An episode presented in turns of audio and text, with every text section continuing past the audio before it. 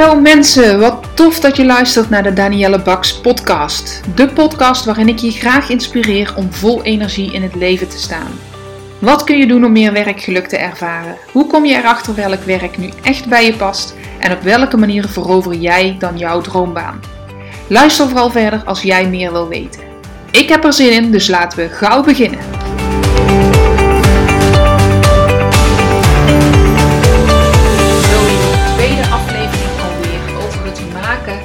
Van jouw cv, van jouw curriculum vitae.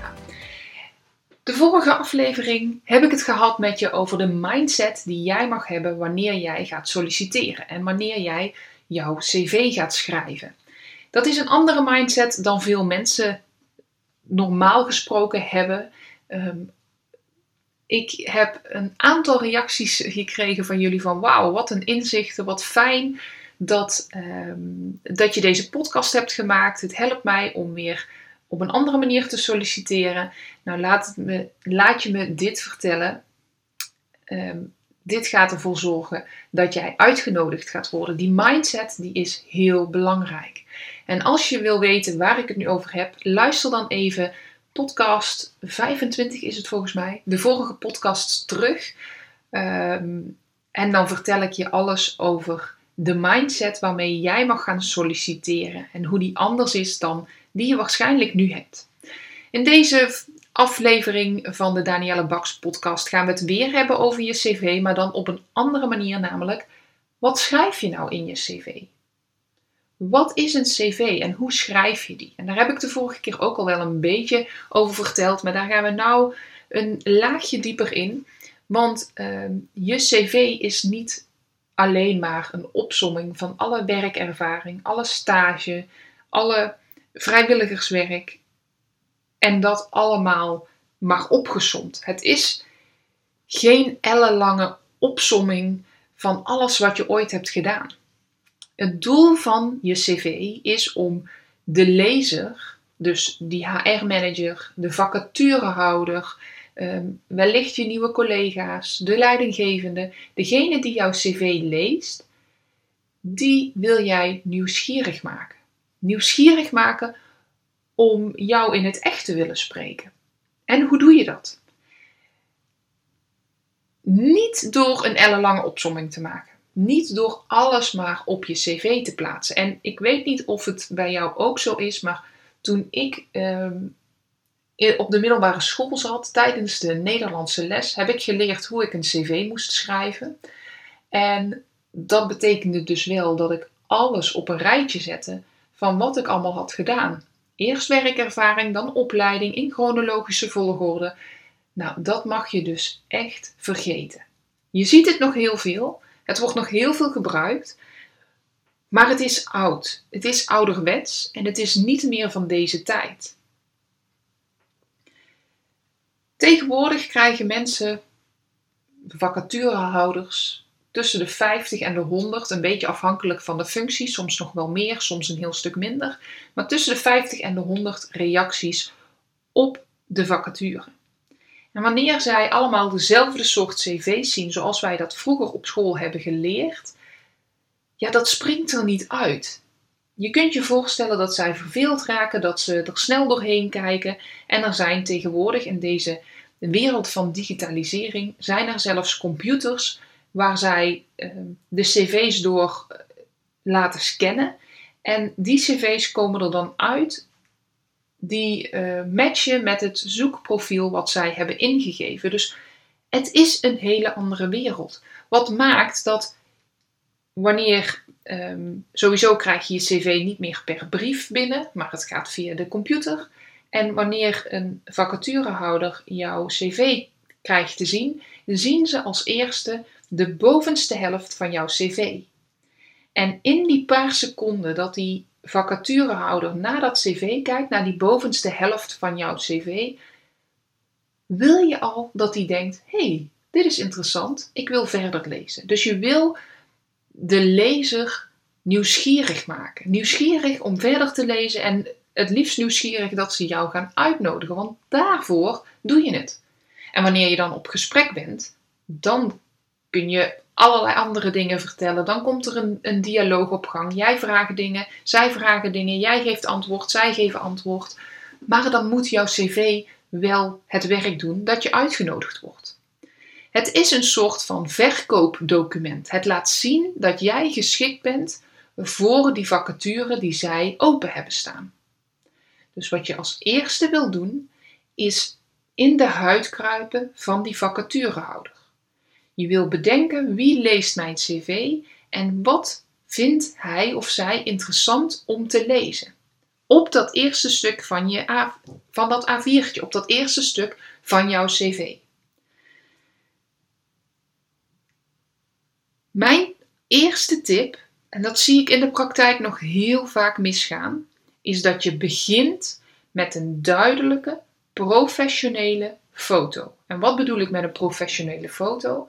Niet zozeer dat die door een professionele fotograaf gemaakt moet zijn, maar wel dat jij daar op staat met professionele kleding aan. Dus niet met een hemdje of niet een vakantiefoto waar je leuk op staat.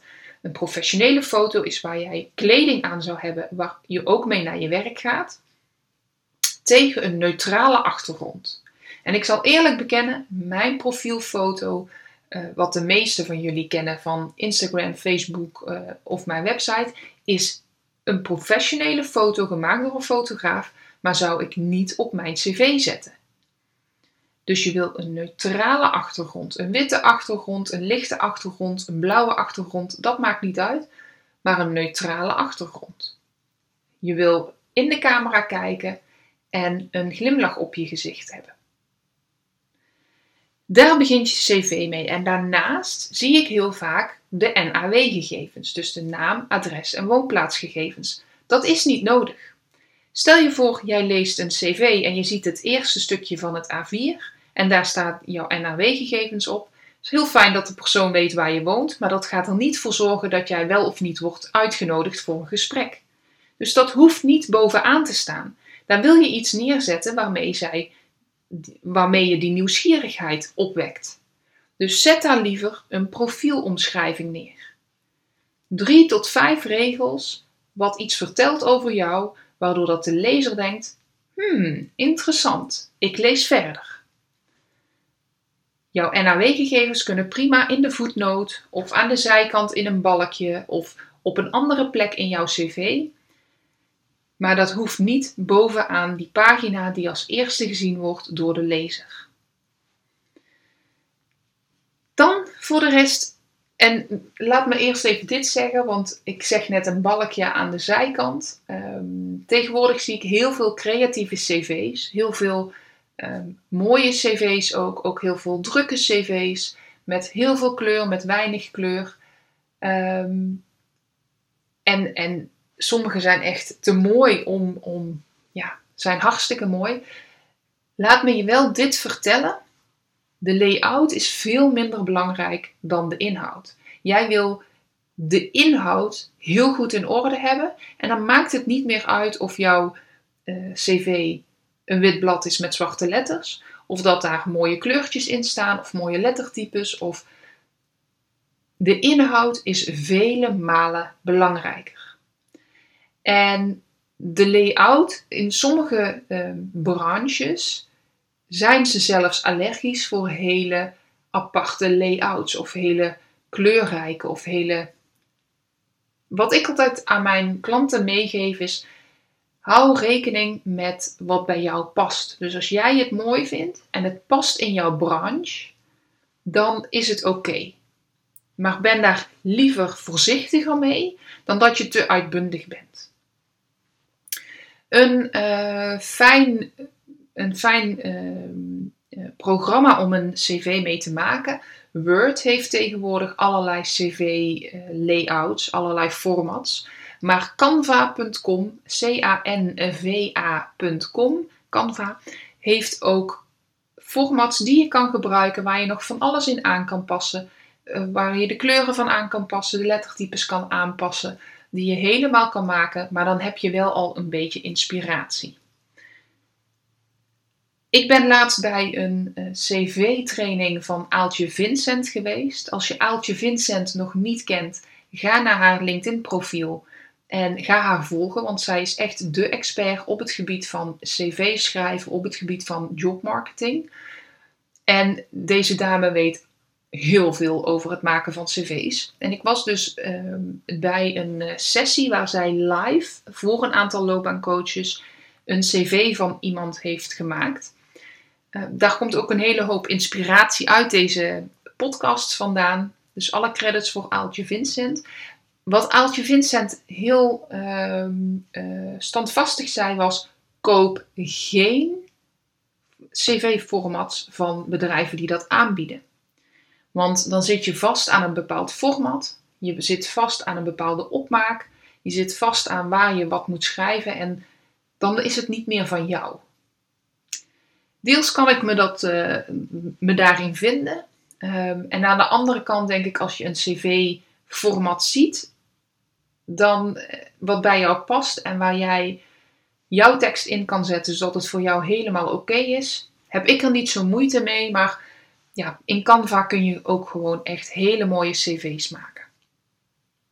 Dat even over de layout. Het belangrijkste wat je daarvan moet onthouden is: layout is minder belangrijk dan de inhoud. Maar uh, ja, ik snap wel dat je ook daarin op kan vallen. Less is more. En zolang je maar iets, een cv maakt wat bij je past. Dan gaan we door naar het volgende stuk. Je zet dus niet alles in je cv wat je maar gedaan hebt. Je mag dingen weglaten. En wat laat je dan weg en wat moet je vooral niet weglaten? Dat heeft alles te maken met de relevantie van de, de inhoud op het cv en op de vacature. Uh, ik bedoel, op de vacature waarop je gaat solliciteren. Dus, ik heb net gezegd, je gaat in die schoenen van de vacaturehouder staan en je gaat bedenken wat wil hij of zij van mij weten, wat vindt hij of zij relevant en andere dingen mag je weglaten. Wat laat je dan weg en wat niet? Dat is altijd even dus afhankelijk van de vacature. Um, de max aantal pagina's van een cv is 2 als je echt verdomd goede uh, werkervaring hebt, dat allemaal relevant is, zou je er drie van kunnen maken. Maar het liefst wil je één of twee pagina's voor jouw cv. En wil je het daarop kwijt. Ga niet het lettertype super klein maken, waardoor het op één of twee pagina's past. Je wil wel een prettig, prettig uh, cv hebben wat makkelijk leest. En ik heb daarna, daar zo nog een aantal tips voor. Dus je wil gewoon een, een fijn lettertype. Ehm, en als het er echt op moet, ja, wijk dan uit naar drie. Maar ik zou het liefst alles op één of twee pagina's willen zien. En ik merk ook dat dat zelfs bij mensen die al 40 jaar werkervaring hebben, dat dat werkt. Dat dat kan en dat het lukt. Het is net de creativiteit waarmee dat jij ziet wat er wel en niet op moet en wat relevant is voor de functie waarop jij reageert. En als je dan bedenkt dat je één of twee pagina's hebt, dan heb je dus ook niet alle ruimte om de hele waslijst aan werkervaring erop te zetten. Dan vraagt dat al iets van jouw creativiteit. Um, wat verder nog heel erg belangrijk is voordat je echt gaat schrijven aan je profiel, aan de inhoud van je profiel, is zorg dat je je profiel passend maakt aan het niveau van de vacature. In uh, de sessie die ik, waar ik het zojuist over had, waarin Aaltje iemand ging, ging uh, haar cv ging maken, dat was een dame die ging solliciteren, heel bewust, op een uh, vacature die lager lag dan wat ze eigenlijk zou kunnen. Maar omdat ze bepaalde ervaring en bepaalde kennis nog miste, besloot zij om op dat niveau binnen te komen in het bedrijf en was dat een strategische keuze om later naar op te kunnen werken. Zij heeft dus bepaalde ervaringen niet in haar cv gezet, waardoor dat de lezer zou denken: deze dame is overgekwalificeerd. Andersom wil je dat ook niet. Je wil niet jouw werkervaring ehm, zo omschrijven dat ze denken dat je ondergekwalificeerd bent. Dus je wil op het niveau passend aan het profiel, passend aan de vacature waarop je reageert, daar wil je aan schrijven. En het zou heel tof zijn als jij leidinggevende bent geweest, maar nu vanwege uh, familieomstandigheden of omdat je kleine kinderen hebt of omdat je de zorg van ouders hebt of omdat je gewoon denkt, nou ik wil al die um, drukte en werkdruk die, bij het, um, die je had tijdens jouw teamleiderperiode, uh, dat wil je niet meer, dus je maakt een bewuste keuze.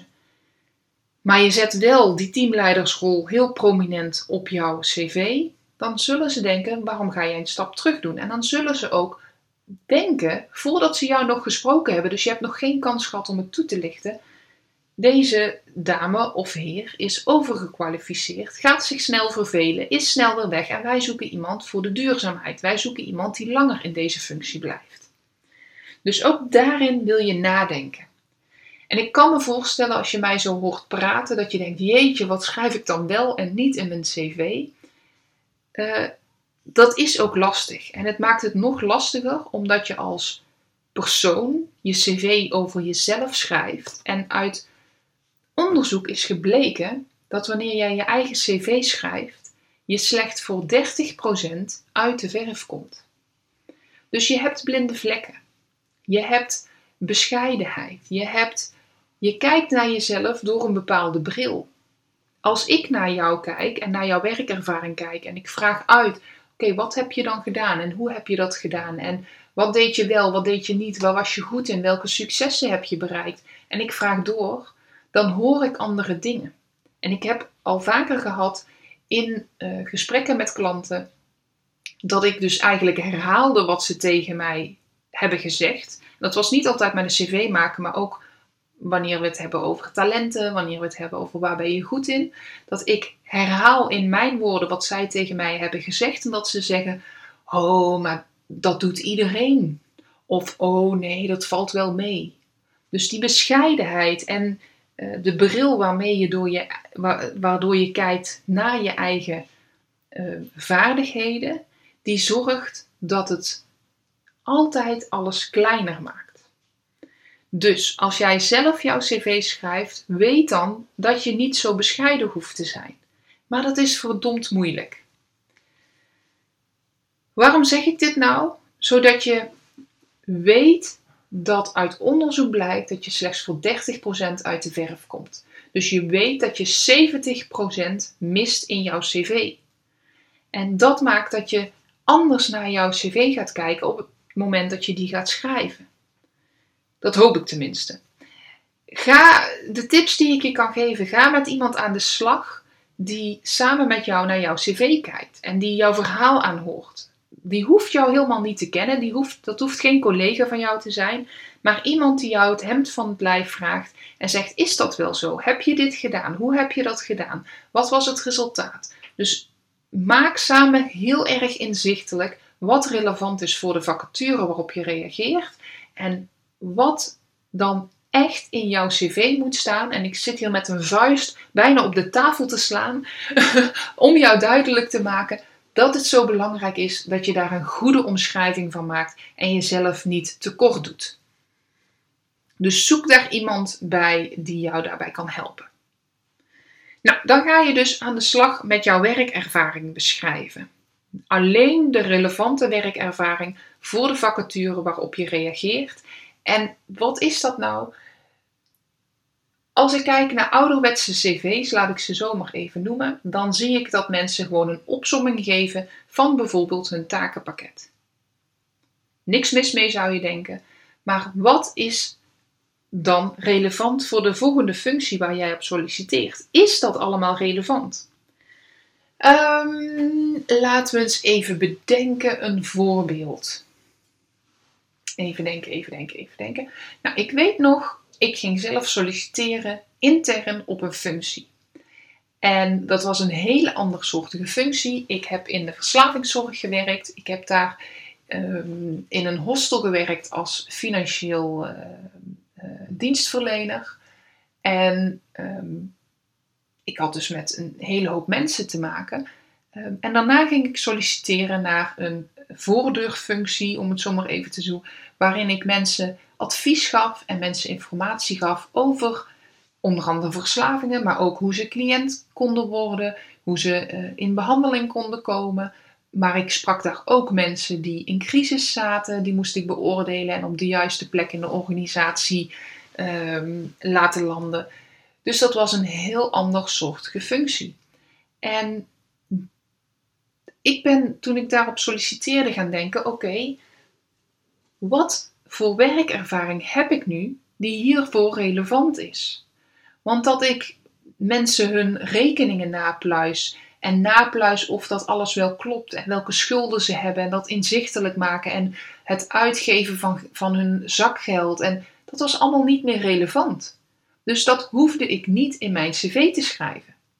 Heb ik toen deels wel gedaan, maar dat, dat, met de kennis die ik nu heb, zou ik dat nooit meer doen. Ik zou gaan kijken, wat is de gemene deler, wat de ene functie met de andere functie heeft. En in dit geval zou ik nu dus veel meer ingaan op de gesprekstechnieken. De gesprekstechnieken die ik had in het hostel, waarin ik met mensen moest praten, waarin ik het over lastige dingen had als hun schulden, over ehm, dat ze geen geld meer hadden voor de rest van de week, dat ze noem maar op. En de moeilijke gesprekken die ik zou gaan voeren in mijn volgende functie, waarin ik advies zou geven aan de vader of moeder van iemand die wellicht verslaafd was of in ieder geval drugs gebruikte. Dat was relevant.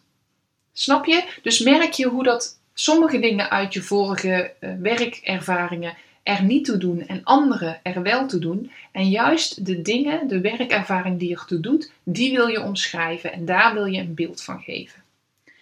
Natuurlijk zijn er altijd ook dingen die uh, belangrijk zijn die je er wel bij vernoemt, maar je wil de aandacht vestigen op dingen die relevant zijn. En daar mogen best vragen over zijn. En die vragen die zullen ze dan wel stellen op het moment dat ze met jou in gesprek zijn. Maar dan ben je dus aan tafel en dan ben je dus in gesprek. Dan wil je jouw werkervaring heel overzichtelijk op je cv zetten. Dat doe je door uh, het gebruik maken van bullets. Ga geen hele epistels schrijven, ga geen hele tekstvlakken vol schrijven, maar gebruik bullets, gebruik uh, kernwoorden, schrijf to the point en beschrijf daarin wat jouw rol is geweest. Dus wat heb jij gedaan? Niet jouw hele team, niet jij en je collega's, maar jij alleen. Wat heb jij gedaan? Welke resultaten heb jij behaald voor de werkgever? En het werkt altijd goed om te focussen op getallen. Nou, aan wat voor soort getallen kun je dan denken? Stel je bent teamleider geweest, hoeveel medewerkers of hoeveel teams had je onder je? Ehm, stel je hebt aan een, aan een project gewerkt, hoe snel heb je je doel bereikt? Ehm, stel je neemt iets van iemand over, hoe, wat is het vergelijk tussen jouw resultaten en die van de ander? Ehm, wat is het ziekteverzuim? Als je HR-medewerker bent, wat is het ziekteverzuim op dit moment? Wat zijn thema's waar je mee aan de slag bent gegaan en hoeveel thema's? Met hoeveel klanten had jij contact? Via de telefoon of hoeveel opdrachtgevers had je? Uh, hoeveel medewerkers?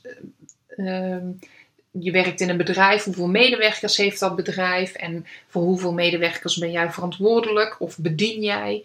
Als je bijvoorbeeld administratief medewerker bent, Um, heb je gewerkt met deadlines? Hoeveel, in hoeveel procent heb je die deadline dan behaald? Uh, hoeveel telefoontjes heb je gedaan in de looptijd dat je daar, daar zit? Hoeveel mailtjes heb je afgehandeld? Uh, noem maar op alle getallen waar jij aan kan denken. Dat kan relevant zijn voor jouw cv. Heb ik nog meer tips? Ik heb nog heel veel tips Ehm, maar die zijn ook tegelijkertijd heel persoonlijk. En zoals je me net hebt horen vertellen, ieder cv is persoonlijk. En ieder cv wat je met een vacature voor een vacature stuurt, is persoonlijk. Dus er zijn een hele hoop dingen waar ik jou als persoon mee zou kunnen helpen om ehm, jouw cv het beste te maken, om er tussenuit te springen. En dat is dan weer niet eh, relevant voor andere mensen wellicht, die ook naar deze podcast zouden luisteren. Dus, resume. Als ik je nu zou adviseren, hoe schrijf je je cv? Je wil de aandacht richten op het eerste A4'tje. Daarin, dat moet meteen de aandacht pakken. Daarin wil je meteen de lezer nieuwsgierig maken. Een goede foto, een goede profielsomschrijving. Wat echt iets zegt over jou, zodat mensen al meteen een gevoel bij jou krijgen. Vervolgens wil je een maximaal een cv van 1 tot 2 pagina's met de relevante informatie voor de vacature waar jij op solliciteert. Je kunt Canva gebruiken of Word. Je beschrijft je laatste 10 jaar werkervaring. Als je daarvoor relevante werkervaring hebt die je wel wil vernoemen, mag dat ook. De rest beschrijf je gewoon heel kort. Ehm, alleen je bedrijf en de tijd dat je er hebt gewerkt en de functienaam is voldoende. Schrijf overzichtelijk, gebruik bullets, schrijf to the point en beschrijf wat jouw rol is geweest, welke resultaten je hebt behaald en focus je daarbij op getallen. En weet, zoek iemand die samen met jou dat cv maakt, zodat je goed uit de bus komt, goed uit de verf komt. Omdat uit onderzoek blijkt dat je slechts voor 30% uit de verf komt wanneer je helemaal alleen jouw cv maakt. Mocht je willen dat ik een keer met je meekijk naar je cv of wil je een complete cv-sessie waarin we in een aantal uren jouw cv gaan maken, zodat je ook echt een goed cv hebt, laat het me dan weten. Of kijk op mijn website, stuur me even een berichtje, het mag allemaal. En dan kijk ik of dat jij al zover bent dat we ook echt een cv kunnen gaan maken. Nou, ik uh, hoop dat ik je weer heb mogen inspireren om een fijn cv te maken. En uh, heel veel succes met het veroveren van de baan die bij jou past.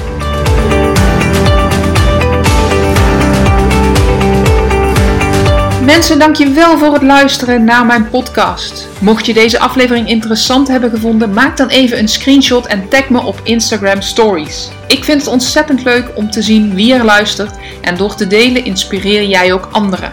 Hartstikke bedankt alvast en tot de volgende keer.